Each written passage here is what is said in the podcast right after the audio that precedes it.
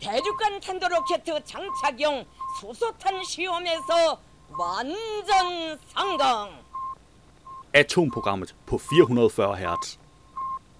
Science is interesting, and if you don't agree, you can fuck off. Mit navn er Flemming Håkær Sørensen, og du lytter til Atomprogrammet. Ja, du gør så. Det vidste du nok ikke, hvad? Nå, jo, selvfølgelig vidste du det. Jamen, øh, ved du hvad? Vi har et fantastisk atomprogram den her gang. Ved du hvad? Vi skal have ikke mindre end klip fra fire forskellige podcasts. Og den ene af dem, det er fra Vanvittig Verdenshistorie, Kukuk Kunst. Og jeg tænkte, tænkt, okay, kunst lavet af medlemmer af Kukus Klan, eller sådan et eller andet. Øhm, men nej, så viser det sig faktisk, at det er øh, et afsnit, de optog på Kunsten i Aalborg den 23. juni i år, og som jeg var inde og se, og det var super fedt. Og øh, det er, og et eller andet sted er det forkert at sige det, men det er faktisk endnu federe som podcast. Nej, ikke også? Fordi når man ligesom er til stede og hører det, ikke også, så er det en helt anden oplevelse, hvorimod selve fortællingen er, er øh, når der mangler alt det udenom selve fortællingen, øh, og du bare går i din egen tomrum, sidder i bussen eller øh, træller rundt på arbejde eller sådan noget, så er det en helt anden og, og, øh, og meget mere øh, koncentreret oplevelse og, og ligesom høre fortællingen. Så begge dele er super fede, så selv hvis du var inde og, øh, og ligesom opleve det øh, her den 23. juni i, øh, i Kunsten i Aalborg, så kan det stadigvæk anbefales at lytte til afsnittet. Nå, men derudover så skal vi også have videnskabeligt udfordret. Du kan svede tis. Og det kan du så ikke helt, men sved kan i visse tilfælde indeholde stort set de samme stoffer som urin. Øh, og det er lige så vanvittigt morsomt, som det plejer at være. Øhm, altså, det, det er bare sådan, det er. Det er, jamen, det er de to humoristiske podcasts hver uge. Øh, fyldte med viden, fyldte med humor, og det er sådan en fantastisk kombination. Men vi skal også have radionauterne. Ja, der er lidt til de mindste, og igen så kan de lidt større også blive lidt klogere, hvis det lige tilfældigvis ikke var noget, de vidste i forvejen. Men, øhm, og, ja, og, og det handler jo om, hvad stjerner er lavet af. Og øh, hvis nu jeg kan holde fast i telefonen her, i stedet for at stå og vi tabe den, så... jeg var ved tabe den dengang, jeg skulle, øh, jeg skulle se det, øh, det, jeg havde skrevet om rationauterne. Og øh, så skal vi høre et klip fra Science Stories. Science Stories har valgt at genudsende et klip, eller en, en, øh, en tidligere udsendelse om den spanske syge. En halvanden år gammel udsendelse, der viser sig at være timet fuldstændig perfekt, og, øh, og den er stadig aktuel. Skal vi ikke bare sige det sådan? Meget mildt, meget pænt. Den er stadig aktuel. Øh, virkelig anbefalesværdigt. Men derudover så har vi også lidt nyheder. Og hvad har vi så af nyheder? Ja, lad os se her. Vi har for eksempel ugens nyhed. Forskere advarer tegn på, at golfstrømmen kan være på vej mod kollaps. Jamen overskriften siger alt. Vi behøver i og for sig ikke selve nyheden. Uh, vi tager den alligevel, og den er ugens nyhed. Jeg har også nogle af alle de, der er lidt, uh, lidt kortere.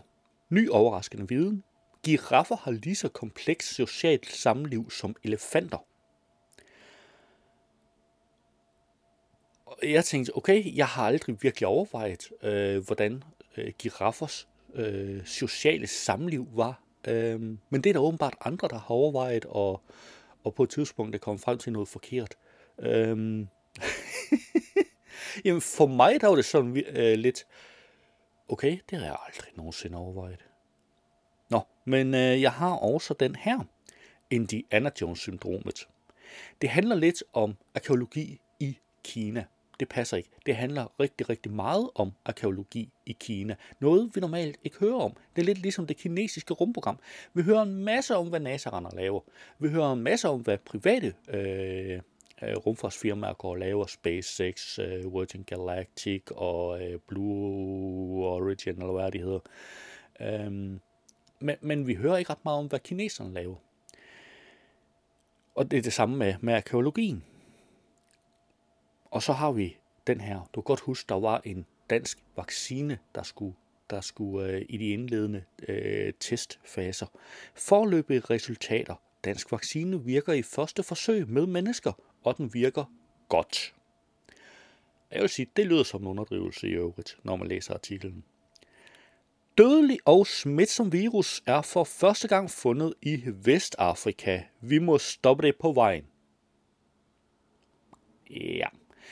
Jeg tror ikke, den har potentiale til at blive den næste, den næste store pandemi. Og jeg kan godt allerede røbe her, hvorfor. Det er fordi, den har en dødelighed på 80-90 procent. Den slår simpelthen sin vært ihjel, før verden kan nå at smitte ret mange. Den er mere dødelig end, end den øh, Ebola-streng, der, der plejer at cirkulere. Men stadigvæk en, en øh, fin skræmmende nyhed. Og så har vi mulig afløser for PCR. Billig teknologi kan spore virer på stedet. Og ved du, hvad det fede ved den her teknologi er? Den, den her nyhed er ikke bundet sammen med, med den om øh, den nye dødelige vira. Nej, øh, men faktisk så vil den her teknologi meget, meget nemt, så vidt jeg forstår, kunne tilpasses, så at du kan lave, øh, øh, lave en test for den nye her, øh, som jeg har tænkt mig at læse lidt op fra. Og så har vi en nyhed, der i høj grad må siges at være en mm, et eksempel på, at man vælger at se fortiden med nutidens briller og overfortolke en smule på det, er jeg bange for. Tusindårigt gravfund i Finland kan være non-binær middelalderleder. Og nu skal du høre her. Øh, vi skal selvfølgelig have den uh, her senere. Fundet antyder, at non-binære personer personer, der identificerer sig med køn, der hverken er mand eller kvinde, muligvis ikke alene var accepteret, men også respekterede medlemmer af deres samfund. Det er en lidt vild konklusion at drage på baggrund af et tilfælde. Det er lidt ligesom når man finder en øh, en krigergrav, og det viser sig, at krigeren var kvinde, så vil det være en lille smule overfortolkning at sige, at samtlige kvinder drog i krig Øhm, der er altid undtagelser. Øhm, og, og når de ligesom laver sådan en konklusion her, så håber jeg inderligt, at det udelukkende er en meget politisk korrekt journalist, der sidder og overfortolker, og ikke fordi, at professionelle mennesker, de, øh, de er blevet fuldstændig vanvittige. Fordi på baggrund af et fund, kan man ikke drage den konklusion. Nå, vi har også her Mars-mysterie, prøve forsvundet. Jeg har valgt en af de første nyheder af dem. Øh, siden er det kommet frem, at man har en meget, meget, meget god idé om, hvad det var, der gik galt. Men det er i og for sig bare øh, en bekræftelse på, på det, jeg har tænkt mig at slutte teksten af med. Så derfor synes jeg, at den, at, at den originale nyhed var, øh, var bedre at have med, fordi hvis du klikker på linket og læser den, så ved du faktisk mere, end hvis du bare læser opdateringen til den. Nå. Vi har også her medie. En tikkende metanbombe lurer i Sibirien. Intet nyt der. Overhovedet. Nej, men det har været kendt i overvis. Jeg har den med alligevel. Og den er læseværdig, skal jeg lige sige. Derudover, så her øh, tidligere på sommeren, der havde jeg jo været forbi apotekersamlingen og, øh, i Aalborg og talt med Per Hadsund fra Nordjyske Museer. Og nu kan jeg se, at de er begyndt at lægge øh, rundvisninger i apotekersamlingen ind i systemet igen. Den næste her, den er godt nok udsolgt, men jeg tænkte, var det, øh, var det ikke på tide, at vi så ligesom genhørte det? Det kan også være, at øh, nu er, er nu, nu har du måske ikke lige tænkt en masse over det, fordi du gik og planlagde din, din sommerferie, og og sådan ting. Og nu er du kommet tilbage fra sommerferie, så kunne det være, at vi lige skulle tage et genhør med de her fire indslag fra Apotekersamlingen. Vi snupper selvfølgelig en hver uge de næste fire uger. Man kan godt sige, at det er lidt tidligt for en genudsendelse af de indslag, men jeg synes faktisk, at det er et rigtig godt tidspunkt til det. Derudover så øh, skal vi naturligvis som rosinen i pølseenden have NASA's ugenlige nyhedsopdatering. Lad os kaste et hurtigt blik på, hvilke podcasts, der er dukket op i løbet af ugen. I denne uge er der også en ny udgave af Science Stories podcasten. For lidt over halvandet år siden, i januar 2020, lavede jeg en podcast med professor Lone Simonsen fra Roskilde Universitet om den spanske syge.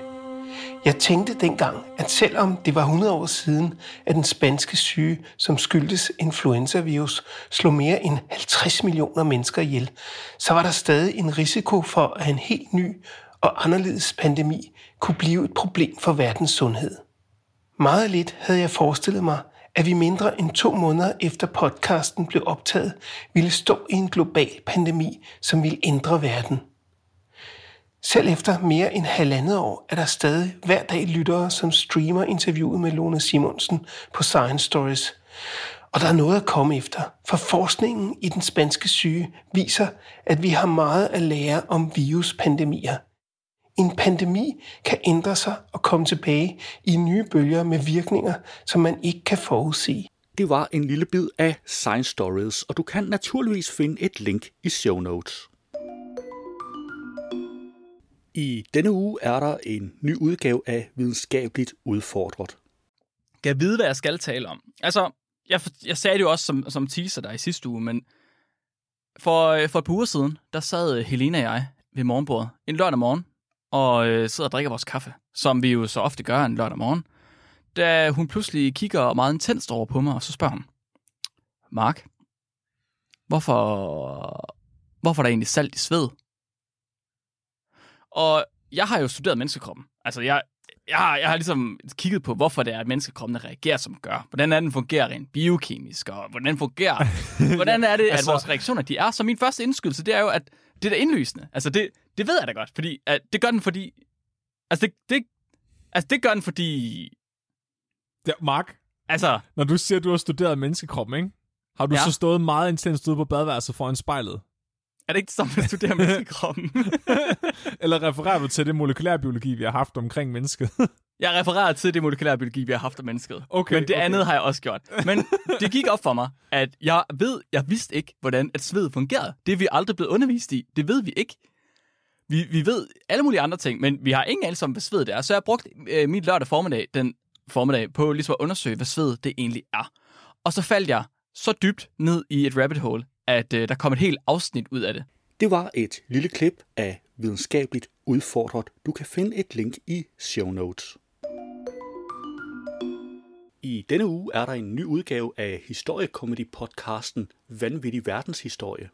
Nå, men det var mig, der er dagens historie med i dag, og som, øh, som Lasse her fra, fra museet sagde, øh, så skal vi snakke om øh, Marcel Duchamp. Og øh, han er, øh, han er provokunstner, en af faderfigurerne i det, der hedder dadaismen. Og øh, så, grund til, at jeg har taget ham med, det er også, fordi han er en af kunstbranchens største trolls. Og det var virkelig det, der fascinerede mig allermest ved ham. Han er en mand, der hele sin karriere får at vide, at det, han laver, det er ikke kunst. Øh, og så gør han det simpelthen til sit mål i livet at give en stor fuckfinger til kunstbranchen. Jeg synes, det er modigt allerede nu at kalde den som en, en, den største troll, når man tænker på, at kunst det er alt fra en banan, der er tapet op med gaffatape, til pølser på dåse, til en, der sylter en bamse. Ja, Men det er ham her, der tager prisen. det synes jeg. Stærkt. Det Jamen synes jeg. altså, prøv at, det kan kun blive godt. Det var et lille klip af Vanvittig Verdenshistorie. Du kan finde et link i show notes. I denne uge er der også noget for det yngre publikum, radionauterne. Mit navn er Lisa. Og mit navn er Karen. Yay, Karen, du er tilbage igen. Har du haft det godt? Det har jeg i hvert fald. Jeg har jo passet min søde lille baby, Mona, i nogle måneder. Og det har altså også været noget af en mission. Men jeg har virkelig også glædet mig til at komme tilbage og komme på nogle vilde missioner sammen med alle jer. Det var godt nok heldigt. For i dag skal vi altså på den vildeste mission. Vi skal langt, langt væk fra jorden. Endda længere væk end månen. Det var en lille smagsprøve på radionauterne, og du kan naturligvis finde et link i show notes. Det var et overblik over ugens podcasts. På videnskab.dk har jeg fundet den nyhed, jeg har valgt som ugens nyhed. Forskere advarer tegn på, at Golfstrømmen kan være på vej mod kollaps. Golfstrømmen og havstrømmen Amok befinder sig i stadig dårligere forfatning. Forskere advarer nu om, at man begynder at spotte faresignaler, som indikerer, at havstrømmen Amok potentielt kan kollapse på sigt, hvis ikke vi får bremset den globale opvarmning. Det skriver The Guardian på baggrund af et nyt studie i Nature. Amok er den samlede vertikale cirkulation af fersk og saltholdigt vand i Nordatlanten. Transportbåndet sørger for, at varmt vand og vejr bliver transporteret til det nordøstlige USA og det nordvestlige Europa. Balancen opretholdes af det, som i daglig tale kaldes Golfstrømmen. De nye resultater er på linje med tidligere studier af Golfstrømmen, der varsler, at den store cirkulationspumpe, som strømmen er, svækkes af klimaforandringerne og en hastig afsmeltning af indlandsisen. Tegnene på, at destabiliseringen er allerede synlige, og det er noget, jeg ikke havde forventet, og som jeg synes er skræmmende, siger første forfatter Niklas Børs fra Potsdam Institute of Climate Impact Research i Tyskland til The Guardian. Det er noget, vi bare ikke kan tillade sker, siger han. Klimaforsker Sebastian Mernil har til videnskab.dk beskrevet Golfstrømmen som en stor cirkulationspumpe, der blandt andet transporterer varmt vand og saltholdigt overfladevand op til vores del af verden – det kan du læse mere om i artiklen 11-årige Peter bliver Danmark koldere, hvis Golfstrømmen bliver svagere. Og det synes jeg nemlig, man skal. Det er derfor, jeg lige tager den lille passage med. Fordi klik på linket i show notes, der er nogle illustrationer her, og der er links til videre læsning. Nå, lad os komme videre.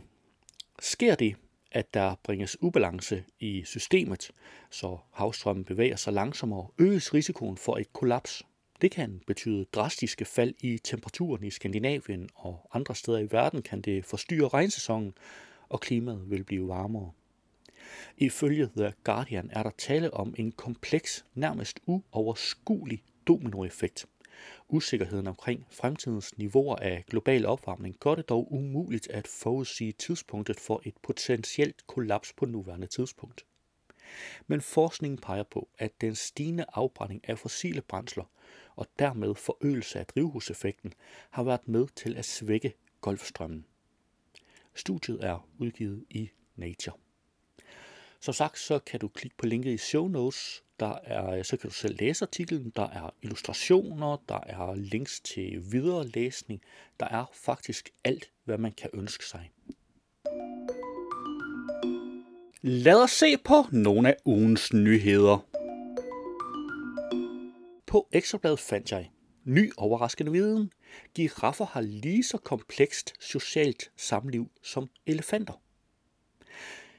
Det har længe været den gængse opfattelse, at giraffer ikke besværer sig med at være sociale. I en fagbog fra 1991 kan man for eksempel læse, at giraffer ikke danner nogen længerevarende bånd med deres arsfælder og kun laver uforpligtende tilknytninger. Siden årtusindskiftet er der så småt sket et skridt i den opfattelse, men først nu med et nyt metastudie af mere end 400 tidligere studier, har forskerne fået en ordentlig fornemmelse for disse dyrs komplekse socialitet. På weekendavisen har jeg fundet Indiana Jones-syndromet. På grænsen til ørkenen, tæt ved den kinesiske mur, ligger den 4.000 år gamle oldtidsby Shimao. Her har arkeologerne i de seneste år gjort den ene vigtige opdagelse efter den anden, og undervejs har de været tvunget til at revidere deres antagelser om, hvordan civilisationen opstod i det, der nu hedder Kina. Shimao er omgivet af en indre og en ydre bymur på tilsammen 10 kilometer og inde i midten ligger en trinpyramide med en højde på 70 meter. Jadefigurer og menneskelignende reliefer fortæller om en livlig kultpraksis, og fundet af snesevis af kranier tilhørende unge piger ofret til en ukendt gud, vidner om, at religion også havde en dyster side. På Berlingske har jeg fundet forløbige resultater. Dansk vaccine virker i første forsøg med mennesker, og den virker godt. Bavaria Nordic har mandag morgen offentliggjort resultaterne af de første forsøg på mennesker med vaccinen ABNK2, der er udviklet sammen med forskere fra Københavns Universitet. Forsøgene viser ifølge Bavaria Nordic, at vaccinen er veltolereret i alle dosisgrupper, og at der ikke er observeret forskel i bivirkningsprofilen efter første og andet stik. Der forekom ingen alvorlige bivirkninger, og bivirkningerne var de samme som ved andre coronavacciner. På BT har jeg fundet, dødelig og smitsom virus er for første gang fundet i Vestafrika. Vi må stoppe den på vejen. Vi kæmper stadig med coronavirus over hele verden. Nu er det første tilfælde af en anden smitsom og langt mere dødelig virus konstateret i Vestafrika. Det drejer sig om Marburg-virus, som er beslægtet med Ebola og har en dødelighed på op til 80-90 procent.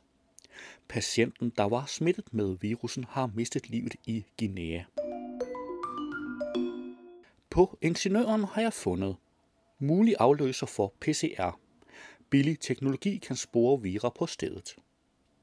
Smitteopsporing af covid-19 er besværlig og dyr, hvis det skal være sikker. Et problem, der især vanskeliggør smittebekæmpelsen i fattige og fjernliggende egne. Nu har Massachusetts Institute of Technology, MIT, imidlertid præsenteret en ny udvikling af CRISPR-teknologien, der gør opsporing hurtig, præcis og billig. Måske endda så præcis, at det kan blive et problem.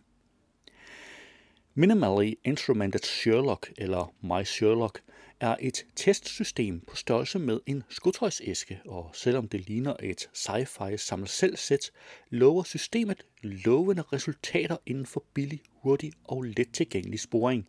For at gøre testsystemet så brugervenligt som muligt, udviklede forskerne My Sherlock til at kunne analysere spytprøver. På videnskab.dk har jeg fundet, tusindårigt gravfund i Finland kan være non-binær middelalderleder. Moderne analyser af en tusind år gammel grav i Finland udfordrer den hidtidige viden om kønsroller i gamle dage. Fundet antyder, at non-binære personer, personer der identificerer sig med køn, der hverken er mand eller kvinde, muligvis ikke alene var accepteret, men også respekterede medlemmer af deres samfund, det skriver The Guardian. DNA tyder på, at personen, der er begravet i kvindetøj med svær ved siden, havde Klinefelter-syndrom, mener forskerne bag studiet.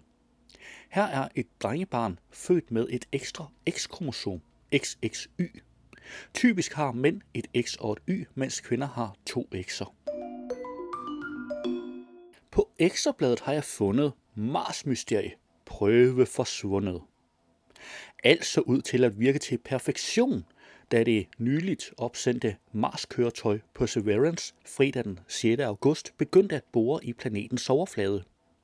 NASA-analytikere fik sig dog noget af en overraskelse, da de efterfølgende kunne konkludere, at metalrøret, hvor jordprøven skulle opbevares og analyseres, var tomt.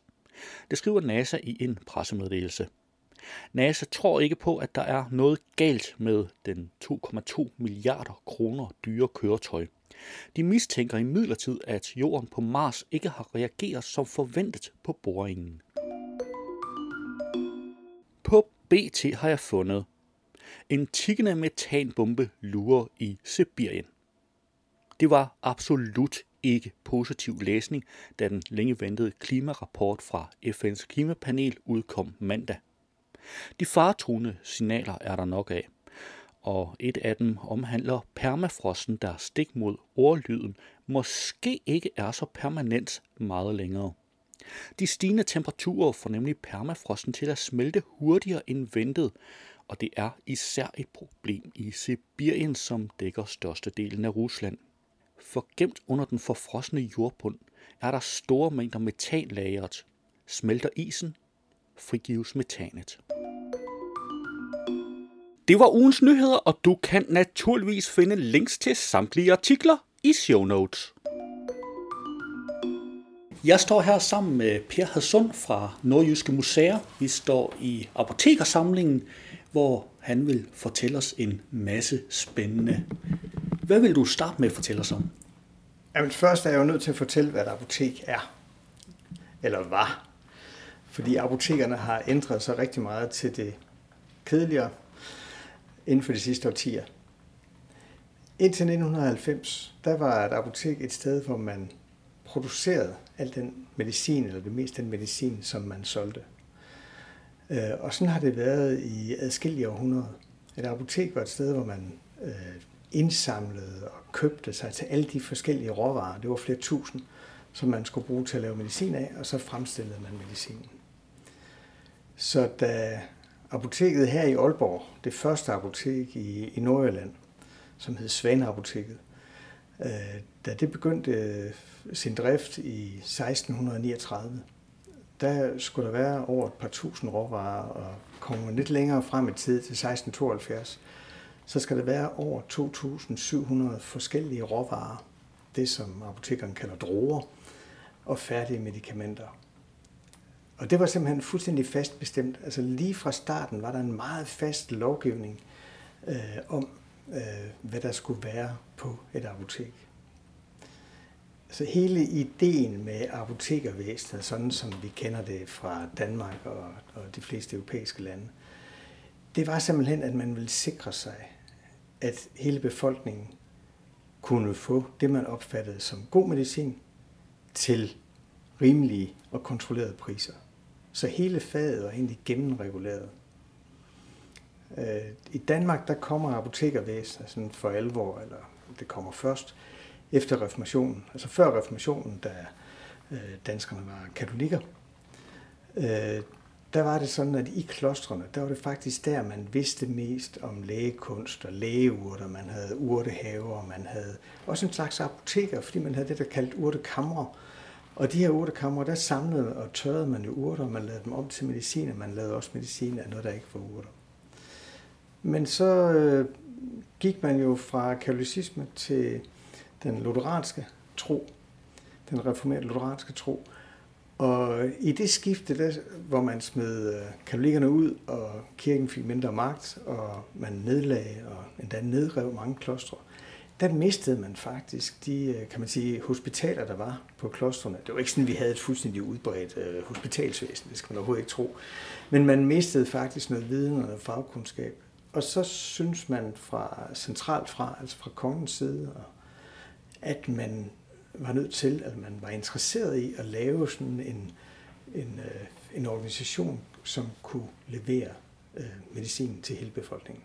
Altså man var også interesseret i at holde sin befolkning sund og rask, øh, så havde man et bedre skattegrundlag, og så kunne man øh, bedre udskrive soldater, øh, og man kunne også bedre, og det betød noget, man kunne også bedre forsøge, mente man, og ligesom holde styr på epidemier altså pest og andre epidemier. Så derfor oprettede man så et apotekervæsen og forsøgte at udbrede det over hele landet. Det tog nogle hundrede år. Men ideen var altså hele tiden det her med, at i princippet hele befolkningen skulle kunne få øh, god medicin, rigtig kontrolleret lægemedicin, så at sige, til rimelige priser. Jeg tror, apotek nummer 10 var det, der havnede her i, øh, i Aalborg i 1639. Øh, og, og fra 1690, der ved vi præcist, hvad der var på hylderne.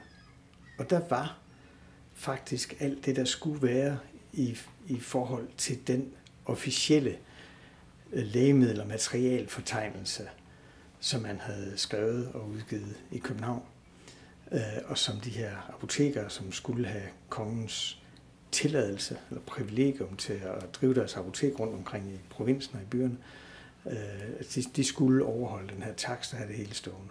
Og det troede vi faktisk ikke, at de havde, men vi ved, at apoteker Friedenreich heroppe, da han døde, der blev der, i 1690, der blev der lavet en nøje opgørelse, og han havde faktisk det hele stående. Apotekeren var altså en specialkøbmand, der kunne skaffe hvad som helst fra hele den kendte verden. Og så kunne han lave den medicin, som lægerne havde foreskrevet i taksten og farmakopæen. En farmakopæ det er sådan en officiel lægemiddelfortegnelse, som man opdaterer en gang imellem efterhånden, som øh, lægekunsten udvikles. Øh, de findes endnu, farmakopierne. Og han skulle altså alle de her forskellige mediciner stående. Så vidste man bare godt, at der var ikke så meget salg i det her medicin. Det kunne det ikke leve af. Så hvis man skulle kunne forlange af apotekerne, at han skulle have det stående, så skulle man give ham monopol på at sælge ting, som var dyre og som der var salg i. En, øh, og det er typisk noget som luksusartikler, som det vi vil kalde parfume i dag. Øh, visse krydderier. Nogle gange vin og spiritus. Det kunne sådan ændre sig fra den ene by til den anden. Og derfor kan vi også se, at, at meget stor del af, af varelaget, det er faktisk vin og spiritus. Det er en tredjedel af det. En tredjedel af det, det er noget, han skal bruge til medicin. Det er de fleste ting, men mange af dem har han ikke så meget af. Og de skal være friske. Nogle af dem skal skiftes ud hver år, for at, at de kan godkendes. Og så er der en tredjedel, øh, som, som cirka, som er det, vi vil kalde tekniske varer. Altså det, vi vil kalde kemikalier i dag.